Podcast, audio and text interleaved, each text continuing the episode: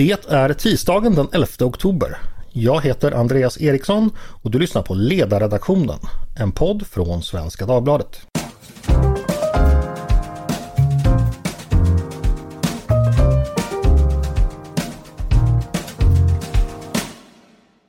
Varmt välkomna! Idag ska vi vända vår uppmärksamhet mot Turkiet.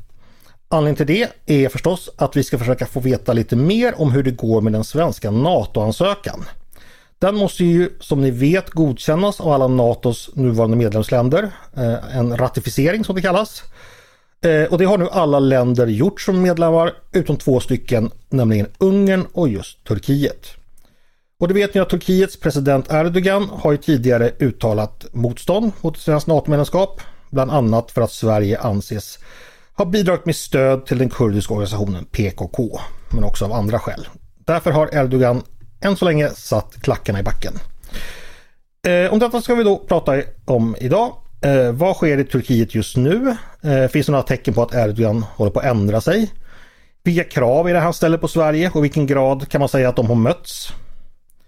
Med mig för att diskutera de här frågorna har jag två gäster, nämligen Mikael Salin som tidigare var vår ambassadör i Ankara, idag verksam vid forskningsinstitutet SIPRI och Paul Levin som är docent och föreståndare för Institutet för Turkietstudier vid Stockholms universitet.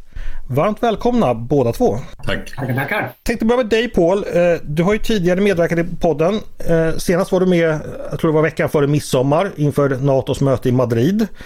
Eh, ja, det var också då vi pratade om det här Jag ämnet. poddade från ett soligt Gotland vill jag minnas. Ja, precis. Det är faktiskt fortsatt soligt där jag sitter men det är lite annan årstid. Mm. Men om vi då tänker på de dryga tre månader som har gått sedan dess. Går det att ja, väldigt kort sammanfatta hur, hur har utvecklingen sett ut när det gäller den här frågan sedan dess? Ja, men det, alltså dels så eh, blev det ju faktiskt något av en rivstart skulle man nästan kunna säga. Ehm, eh, vid Madrid-mötet, eh, NATO-mötet i, i, mötet i Madrid, eh, som skedde strax efter att vi hade poddat. Eh, för där tror jag att det var ganska många som blev ändå förvånade. Turkiet hade bromsat eh, processen, eh, lovat att lägga in ett veto. Men eh, där slöts ändå en överenskommelse, ett så kallat Memorandum of Understanding mellan Sverige, Finland och Turkiet. När eh, Finland och Sverige eh, ja, förband sig att göra vissa åtaganden och Turkiet i gengäld eh, släppte, släppte sitt initiala motstånd mot att starta eh, processen med att bjuda in Sverige och Finland. Så det var ju det, liksom det största som hände. Sen efter det så har det skett ett antal möten eh, som det här, eh, den här överenskommelsen så att säga lade upp för. Eh, man har varit nere i Ankara eh, under ledning av Oskar Stenström. Man har haft möten även i Finland ehm, och eh, nu igen i, i Turkiet. Eh, och sen så, eh, och även i Bryssel eh, på NATO, under NATOs överinseende. Ehm, och sen är det så också att Sverige eh, framför allt har eh, så att säga börjat Eh, ta sig an eh, den här listan, kravlistan som Turkiet eh, har mer eller mindre presenterat. Och vi har sett till exempel då att um, ISP, Inspektionen för strategiska eh, produkter, har tillåtit vapenexport eller export av krigsmateriel, eh, för att mer precis, till Turkiet under sommaren. Eh, och sen har det skett också vissa saker vad gäller utlämningar, utvisningsärenden eh, och så vidare. Så jag tycker ändå att eh, vi har rört oss en del framåt i den här processen sedan vi pratade sist. Okej, eh, vi hoppar över till Mikael. När vi pratade inför den här podden berättade du att du var nyss hemkommen från Ankara, eh, alltså varit besök på plats. Eh, om du får samma fråga, eller eh, frågan snarare så här, hur skulle du bedöma att läget är just nu? Rör sig processen framåt och på vilket sätt? Ja, jag kan ju vitsorda det som Paul sa som en, som en händelsekedja förstås. Och så, så är det ju. Sen har ju då å andra sidan Erdogan och andra höga företrädare för Turkiet några gånger gjort en stark markering av att det räcker inte, det räcker inte och att kraven gäller fortfarande och att ingen, ratific ingen ratifikation utan att vi till punkt och prick och till punkt och pricka genomför det här avtalet. Så det har gjorts en del sådana här markeringar som har strött lite småsalt i, i såren så att säga ändå. Men jag tycker också att inom ramen för, för en process så tycker jag att det, det är fortsatt väldigt oklart hur det kommer att gå med det här egentligen. Men eh, det, det har varit en hyfsad rörelse så här långt. Sen är det det att det har varit val i Sverige och det, när jag var i, i Ankara förra veckan så fick jag mycket frågor. Hur innebär det, vad innebär det svenska valet och den, den sannolika nya svenska regeringen med inslag dessutom av stöd av Sverigedemokraterna som ju då i, brett i Europa uppfattas som en utveckling i Sverige som motsvaras lite av den i Italien och Ungern och Spanien och lite sådär. Så det, finns en, det finns en eh, avvaktande inställning där också i Turkiet. Men Turkiet har naturligtvis lite grann också hållit an med sin så att säga, offensiv, om jag får kalla det så, genom att eh, i, i vetskap om att eh, det är en ny regering på väg och då har man registrerat det här att den nya, den tillträdande regeringen då har valt, det är lite ovanligt att låta eh, Oskar Stenström fortsätta som förhandlingsledare och det är ju väldigt bra kan man tycka att eh, regeringen på det här viset, alltså den tillträdande regeringen visar att den här kontinuiteten som man ville skapa och den eh, enighet som skapades i själva NATO-processen, att den, det finns en vilja att fortsätta den och det tror jag är jätteviktigt. Sen är det också viktigt att det faktum att det här gällde ju inte bara Sverige utan det gäller Sverige och Finland som ju var så att säga partnervis engagerade i den här processen och båda, båda som NATO-kandidatländer Eh, fick det här eh, turkiska vetot. Eh, sen har Erdogan häromdagen bara gjort någon liten markering som, som det tar tid tror jag ännu att riktigt utvärdera där han säger att Finland kanske är okej okay, men inte Sverige och gör den, gör den skillnaden vilket är, blir intressant att se hur den svensk-finska solidariteten ska bära vidare om jag säger så. Vi ska återkomma till det för, för det var en sak som Erdogan sa förra veckan. When you're ready to pop the question, the last thing you want to do is second guess the ring. At BlueNile.com you can design a one-of-a-kind ring with the ease and convenience of shopping online. Choose your diamond and setting. When you find the one, you'll get it delivered right to your door. Go to Bluenile.com and use promo code LISTEN to get $50 off your purchase of $500 or more. That's code LISTEN at Bluenile.com for $50 off your purchase. Bluenile.com code LISTEN. Jag ska bara kort släppa in Paul igen eh, när vi ändå hade regeringsskiftet i Sverige uppe. V vad är din bedömning? Eh, hur och i vilken grad har det påverkat processen och Turkiets inställning?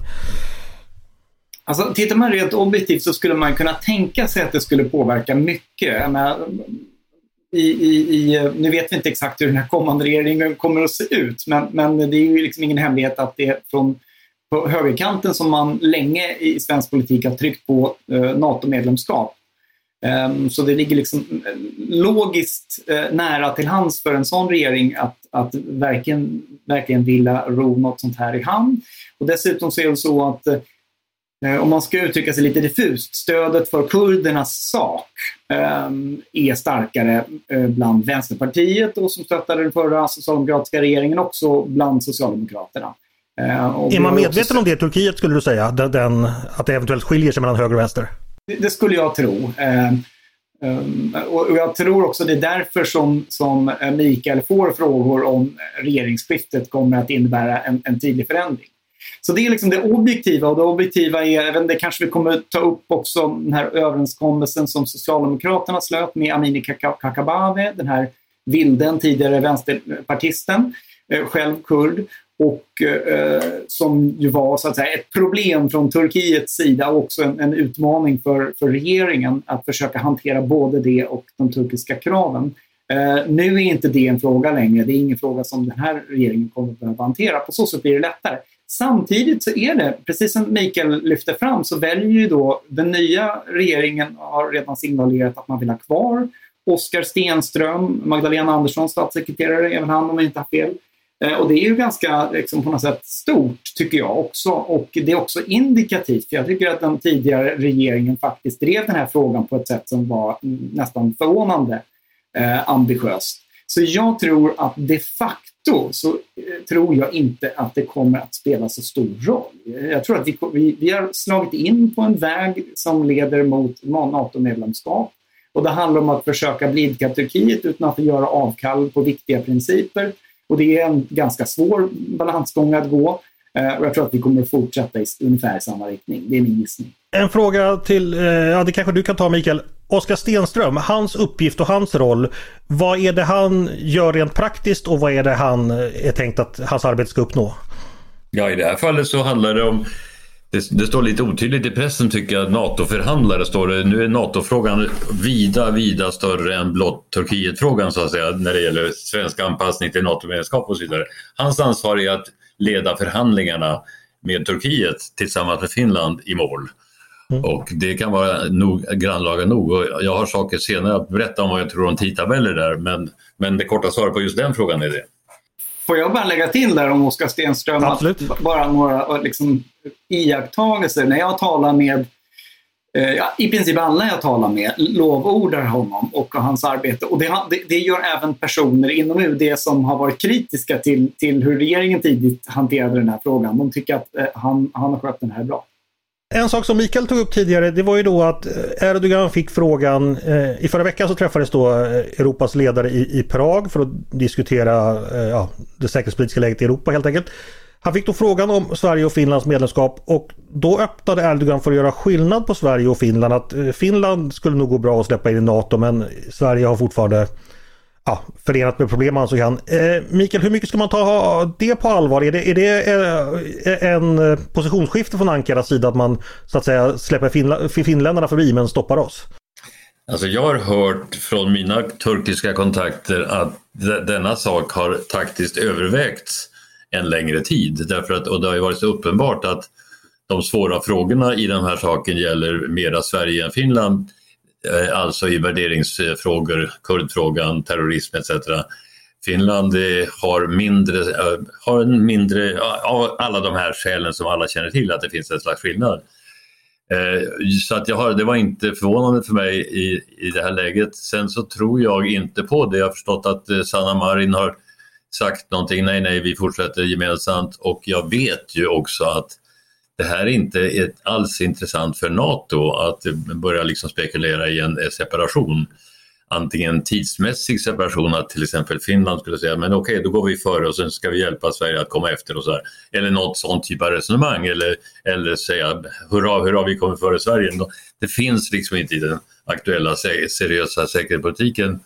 Och för NATOs del så är det totalt ointressant att tillåta en part att på det sättet söndra och härska och Eh, förstöra de brådskande liksom, planeringshorisonter som ligger framför oss i ett gemensamt svensk-finskt inträde. Så det går inte, jag tror inte, att, jag tror inte därför att Turkiet kommer att på allvar köra det vidare. Men det har luftat som en möjlighet tidigare. Eh, Paul, har du någonting du vill kommentera kring det? Eller? Ja, men alltså, det, jag tror det finns en, en, en eh, utgångspunkt bland många svenska bedömare. Och eh, det gäller även kvalificerade säkerhetspolitiska analytiker och annat. Att lite grann eh, slå bort de turkiska, eh, den turkiska kritiken mot Sverige eh, och säga att egentligen så handlar det här inte om oss. Egentligen, egentligen här handlar det om att Turkiet vill ha något annat från USA. Och det låter ju liksom, eh, det, det låter sofistikerat eh, att komma med en sån analys. Men faktum är att jag tror att den här, eh, man kan se det som, som söndra och härska, eh, möjligtvis, men jag tror också att det är en viss indikation. Alltså på, på vad Turkiet egentligen vill ha, eller Ankara. Alltså Turkiet har inte så stora problem med, med den finska ansökningen. De har större problem med den svenska ansökan. Eh, och det sätt på vilket jag läser den öppningen är um, ja, att, att man faktiskt um, isolerar Sverige därför att man tycker att, att det är Sverige man har, har problem med. Sen behöver man förstås inte hålla med om turkiska, eh, Turkiet om kraven och kritiken men eh, jag tror ändå att man ska ta dem på, på allvar. Eh, vad säger du om det Mikael, att det är alltså inte något sorts allmänt spel för att få allmänna fördelar som Turkiet ägnar sig åt utan problemen med Sverige är så att säga från ett turkiskt perspektiv reella. Delar du den bedömningen? Ja nej, alltså det är klart att det, man kan säga så, man kan tala om svensk naivitet kanske och sådär men jag måste nog ändå säga någon liten nyansskillnad mot det Paul säger att, eh, att jag faktiskt tror att eh, det finns ett hög grad av, av taktiserande i detta och min huvudpoäng är ändå att säga att jag tror inte att det kommer att bli så här. Jag tror inte att det, det kommer, Turkiet kommer att komma någon vart så att säga. Sen att det är genuint så att hos Erdogan själv och hans närmaste så, så finns det en större mått av kritik mot Sverige än mot Finland. Så det är i grunden, i grunden så. Men det innebär inte, det ändrar inte min bedömning att det här kommer inte att flyga därför att man kommer ingen vart vare sig i Bryssel eller i Helsingfors eller i Stockholm med den linjen. Och då måste man fortsätta att, eh, så att säga, behandla båda två samtidigt för man märker att det går, det går inte att separera så att säga. Mm. Okej, okay. eh, vi ska gå vidare. Eh, Paul, eh, på NATO-toppmötet som vi nämnt redan så undertecknades ju en gemensam deklaration av Turkiet, Finland och Sverige då eh, vi förband oss, eh, eller då respektive länder förband sig att uppfylla eh, vissa saker. Hur har det gått eh, så att säga att uppfylla det avtalet? Ha, har det skett saker där? Är det på gång? Det har skett en del saker men problemet är lite, lite grann att det där uttalet, eh, överenskommelsen för att den skulle kunna gå i hand, eh, i, i, i, gå att, så att säga ro i hamn så var den medvetet ganska vag. Eh, och det är en del meningsskiljaktigheter som så att säga, dömer sig bakom formuleringarna. Sverige, eh, Turkiet säger att Sverige har förbundit sig att inte längre stödja YPG, den här kurdiska milisen i nordöstra Syrien. Sverige pekar på eh, den exakta formuleringen som är eh, We shall not provide support to. Det betyder inte att, att man inte ska stödja utan det handlar om att man inte ska ge så att säga eh, konkret materiellt stöd. Och där menar Sverige att det har man heller aldrig gjort. Så jag tror att de svenska diplomaterna som var inblandade de var ganska noga med, i många fall, sen vet jag att Mikael har uttryckt viss kritik som eh, man skulle kunna lägga till annan också, men i, de flesta fall som var väldigt noga med exakt hur man formulerade sig. Eh, och egentligen så tror jag att det är många svenska diplomater som menar att den, de formuleringarna innebär att Sverige egentligen inte åtar sig särskilt mycket nytt. Vi ska snabbt hantera till exempel extradition request, alltså utlämningsärenden eh, enligt eh, eh, liksom rättslig praxis eh, enligt vår, våra lagar. Eh, det kan man säga att det gör man redan. Ehm, och så vidare. Så att, eh, den, är, eh, den, är, den är ganska problematiskt vald på så sätt. Men eh, det har ändå hänt en del saker och eh, vi har hört från regeringsföreträdare att ja, men, men de tänker faktiskt verkligen försöka le, upp, eh, leva upp till den.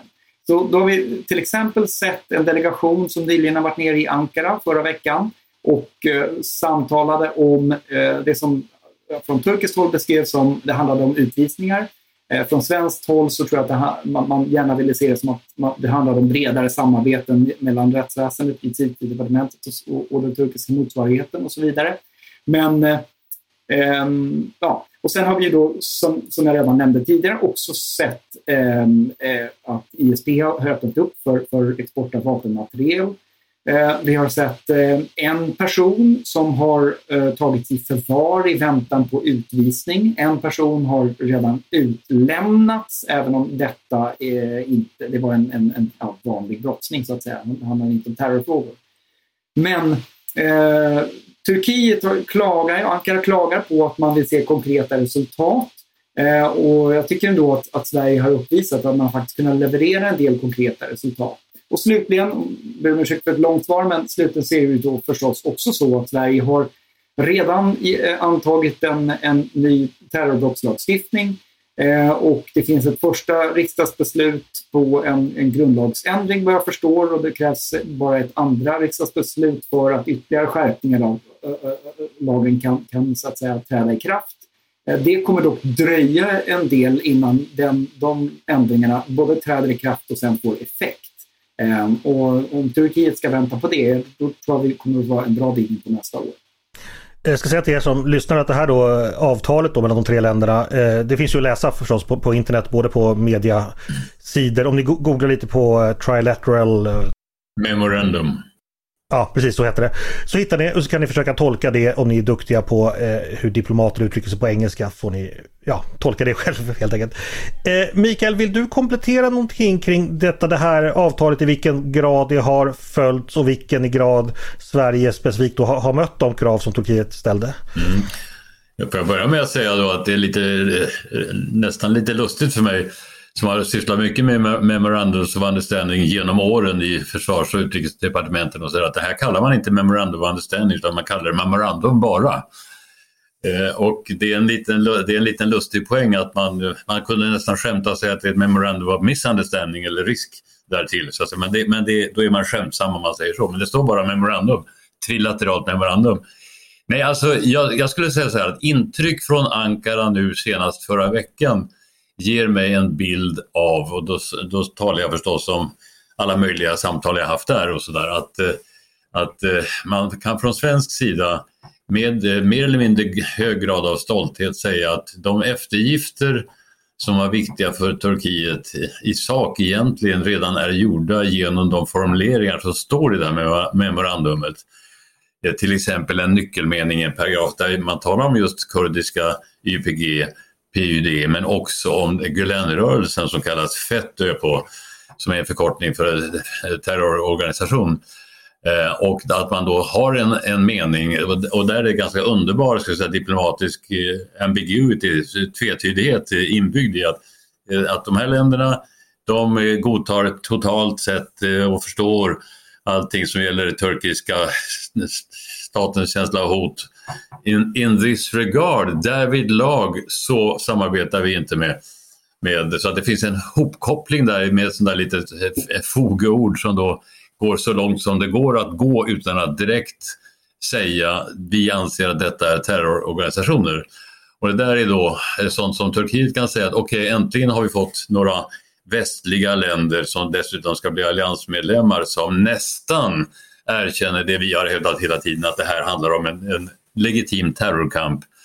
Och det där är då det allra viktigaste, skulle jag ändå hävda, Paul, från det som de är ute efter i sammanhanget. Att när nu två, två stater har den här känsligheten, Turkiet har vetomakt och, och då handlar det väldigt mycket om antiterrorism, det är ju liksom kärnan i det här och den turkiska definitionen som kräver eller som behöver internationell respekt för att man ska kunna hantera det vidare med tanke också på kommande val i Turkiet. Resten, implementeringssvårigheterna som följer av tvetydigheten i texten som sån, det är sånt som då turkarna kan fortsätta säga att det, det, måste vi visa att och så vidare. Och då handlar det om att på något sätt visa att vi kan, vi kan ta turkiska sä säkerhetsbekymmer på allvar utan att det behöver innebära att vi frånträder vår egen värdegrund eller vår, våra egna lagar. Och det är den balansgången som det handlar om för vår tid. Och jag, jag uppfattar en stark beslutsamhet från svenska myndigheter att köra det på det sättet. Det är inte tal om att göra några spektakulära utvisningar som skulle vara otänkbara om det inte vore för att Turkiet begär det så att säga. Eh, och, eh, så att det finns en blandad sak där som sen ställer frågor och det kan vi återkomma till. Hur, hur lång tid kan det här komma att ta? En fråga till dig där Mikael som eh, gammal eh, diplomat. Eh, kan du förklara för oss, som lekman kan jag tänka tänker så här att det här avtalet eh, det är ju fullt av, det, det, kan uppfattas som diffust och det är kanske svårt att säga exakt när det är uppfyllt. Egentligen är det väl uppfyllt när det är helt enkelt man tycker att det är uppfyllt, när det finns en politisk vilja att säga Eh, förstår jag det rätt då eller hur, hur, hur ska ja, man förstå det?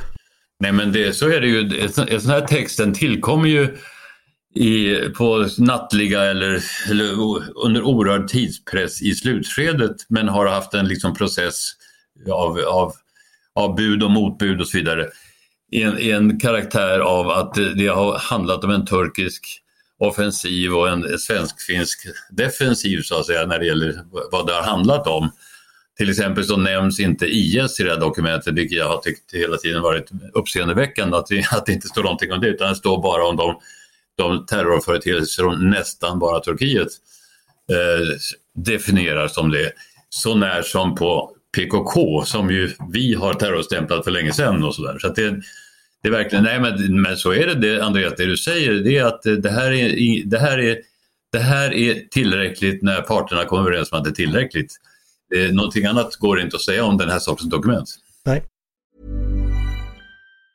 Life is made up of many gorgeous moments. Cherish them all, big and small, with Blue Nile. Whether it's for yourself or a loved one, Blue Nile's unrivaled selection of expertly crafted fine jewelry and statement pieces help make all your moments sparkle. Blue Nile's experts are on hand to guide you, and their diamond guarantee ensures you get the highest quality at the best price. Celebrate a life well lived in the most radiant way and save up to 30% at BlueNile.com. That's BlueNile.com.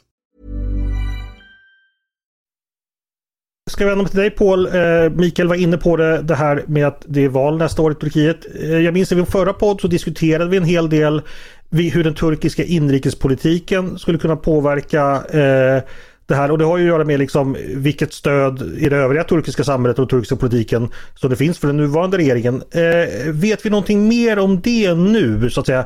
Hur, hur mycket sluter man upp bakom Erdogans hållning? Eh, och hur mycket spelar hans roll att agera inför en inhemsk publik i den här processen? Finns det någonting att utveckla kring det?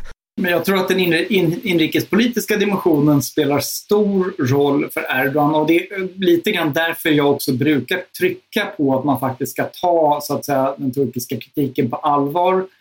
Eh, och det är därför att det är väldigt många i Turkiet som delar hans syn och som, som har någon slags bild av att länder som till exempel Grekland, men också Sverige, att vi på något sätt medvetet skulle använda oss av PKK, stötta dem i princip för att försvaga Turkiet. Det är inte en helt ovanlig bild. Ehm, men det som, har, alltså det som överskuggar allt annat just nu i den turkiska inrikespolitiken, det är ju den, den svaga turkiska ekonomin som, som eh, drabbar gemene man väldigt påtagligt. Och det får ju konsekvensen att Eh, Erdogan eh, ligger ganska dåligt till i opinionsundersökningarna. Ehm, och det kan ju vara så då att, att en internationell konflikt eller en diplomatisk strid eh, i en fråga som är ganska populär bland många väljare är ett bra sätt att avleda uppmärksamheten.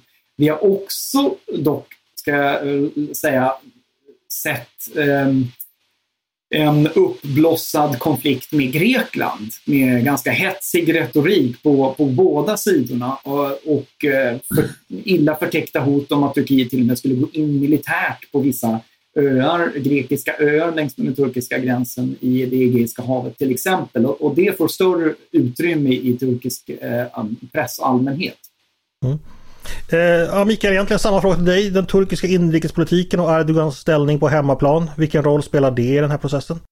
Mm.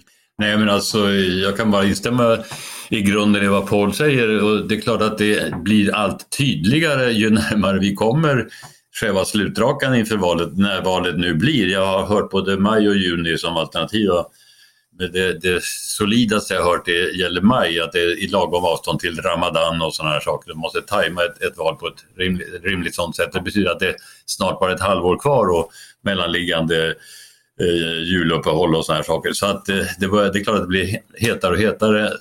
Sen vill jag gärna säga till, också till dig Paul att det som jag fick som senaste intryck från Ankara nu förra veckan var i mindre grad än tidigare det här att också oppositionen så att säga, i den här frågan verkligen delar eh, Erdogans mening och ställer sig bakom och så vidare. Jag hörde betydligt mera kritik också från oppositionshåll nu och det uppfattar jag själv som en slags skillnad jämfört med i snäppet tidigare. Att man alltså har kommit längre på den här resan och ser mer av nackdelarna med ett turkiskt vidhållande vid den här positionen. Man ser så som Ukraina-krisen utvecklas så blir det liksom allt mer jobbigt för Turkiet att fortsätta sin balansgång och allt mera, och att i den balansgången då fortfarande vara det land som eh, Ungern och Turkiet, men Ungern har lovat att de kommer att ratificera så att det blir, det blir bara Turkiet. Och då blir det, då blir det genant inom, inom turkisk utrikespolitisk balansgång att vara så uthängd som den enda land som hindrar denna viktiga process på grund av frågor där Sverige inte har en mera stort, mera kritisk roll i så fall än många andra NATO-länder. Så att jag, jag, kände stämningar som innebar på glid att här blir Erdogan mer ensam. Och kritiken från andra länder som var på den konferensen var inte minst tyska höga företrädare. Den kritiken var massiv om än implicit, i form av kraftigt stöd för den svensk-finska NATO-ansökan och dess positiva effekter på olika sätt. Så det blir, det, jag uppfattar den skillnaden nu. Mm. Eh, vi ska eh, gå vidare och försöka, ja, försöka ge en prognos inför framtiden i den mån det går. Eh, du har varit inne tidigare Mikael på, på en eventuell tidtabell. Vad, vad tror du vi kan se framför oss här eh, framöver under hösten och efter årsskiftet? Finns det några hållpunkter här eller några ja, mellanstationer som vi vet kommer? Eller hur tänker du? Jag tänker så här att med en fortsatt sån här process som ju det var ett av Madrid-memorandumets beslut att inrätta en mekanism som, som innebär fortsatt högnivå eh, svensk-turkisk och finsk-turkisk dialog, ibland trilateral, ibland, ibland bilateral, eh, på ett skickligt sätt som innebär att eh, vi eh, ja, kan övertala eller beskriva bättre för relevanta turkiska motparter om hur vi ser på de här, den här balansgången mellan, mellan olika friheter i en liberal demokrati och, och, eh, och, och terrorhotet. Och med tanke på då att klimatet i Turkiet inför valet, det, det, det uppmärksammar ju verkligen det auktoritära systemets olika typer av nackdelar. Paul nämnde ekonomin och den är jätteviktig som en sån där bakgrundsfaktor. Eh, sen vill jag säga då Andreas att det jag, upp, det jag uppfattar idag, men det, det, här är ju en föränderlig materia, men jag uppfattar att det finns en föreställning inom viktiga NATO-länder, och då inkluderar jag USA i det, att den här processen får inte dra ut mer än till januari. Då kan man säga att jo, men det, valet i Turkiet är ju först i maj och det här kan ju inte lösas före maj. Jo, men det är för länge för att, eh, för att det, det stör för mycket NATOs planering i sin prioritering av, av motverkan mot eh, ryskt agerande i Ukraina. Och den frågan blir ju allt mer dramatisk och då tror jag att man kommer att känna en tilltagande otålighet. Sen är det då natur, naturligtvis frågan vad kan man då göra för att, för att eh, sätta sig så att säga på Erdogan i den här frågan. Och då tror jag att det kommer att handla om ekonomi i så fall. Så jag ser samspel mellan under hösten fortsatt dialog som kan vara ömsesidigt nyttig faktiskt. En förvärring av den turkiska ekonomin som i sin tur får bäring både på valkampanj och på relationer mellan Turkiet och viktiga västländer inklusive USA. Ungefär så. Ja, stort tack för den prognosen. Eh, Paul, du ska få ge din prognos. Vad ser du framför dig kommer hända? Ja, men, eh, det, det vi hör eh, så att säga, offentligt från turkisk sida är inte särskilt uppmuntrande. Eh, Erdogan och utrikesministern Mevlut Cavusoglu är ju eh, liksom konstant kritiska och säger att vi liksom kräver konkreta åtgärder. Vi har inte sett någonting. Det har man från turkiskt diplomatiskt håll. Men när man faktiskt pratar med de som liksom är mer inblandade i processen så är min bild att samtalen med undantag för, för det första eh, mötet eh, som Oskar Stenström hade nere i Anka. Det var tydligen inte så kul vad jag har förstått. Eh, enligt, enligt källor så verkar det nu ändå vara ganska konstruktiva samtal. Eh, och det båda är gott. Och jag tror eh, lite grann i samklang med Mikael att om eh, Sverige visar eh, så att säga god vilja, eh, om, om, Sverige eh, går till Turkiet till mötes eh, på vissa områden där man faktiskt kan göra det utan att antingen bryta mot svensk lag eller grundlag eller Eh, grundläggande värderingar och det är ganska viktigt. Eh, skulle jag bara vilja understryka eh, med en underdrift. Eh, å ena sidan. Och å andra sidan, eh, Turkiet kanske blir allt eh, mer isolerat internationellt och, det blir, och, och Ankara kommer under hårdare press från andra NATO-medlemmar som faktiskt vill se den här processen gå vidare. Kanske är det till och med så att vi får även Ungern, ett okej okay för, för Ungern då kommer pressen att öka ehm, och då blir det nog svårt i längden för Turkiet att hålla ut. Man ska aldrig säga aldrig, men, men eh, jag är, försiktigt eh, optimistisk om att vi kommer att se ehm, det här gå framåt eh, ja, inom, inom det närmsta året skulle jag tro. Jag noterar eh, en, ja, helt enkelt en försiktig optimism från er båda. Och då får det väl bli det vi tar med oss från dagens samtal. Så får vi kanske följa upp det här återigen en gång och se, se hur, hur rätt det blev. Eh, men idag är vår tid ute. Stort tack till Mikael Salin och Paul Levin för att ni kom och pratade med mig i dagens podd. Och tack till er som har lyssnat också på Ledarredaktionen. En podd från Svenska Dagbladet. Ni är varmt välkomna att höra av er till oss på redaktionen med synpunkter på det vi har precis diskuterat nu. Eller om ni har idéer och förslag på det vi ska ta upp i framtiden. Då är det bara att mejla till ledarsidan svd.se. Stort tack för idag! Dagens producent, han heter Jesper Sandström och jag heter Andreas Eriksson. Jag hoppas att vi hörs igen snart.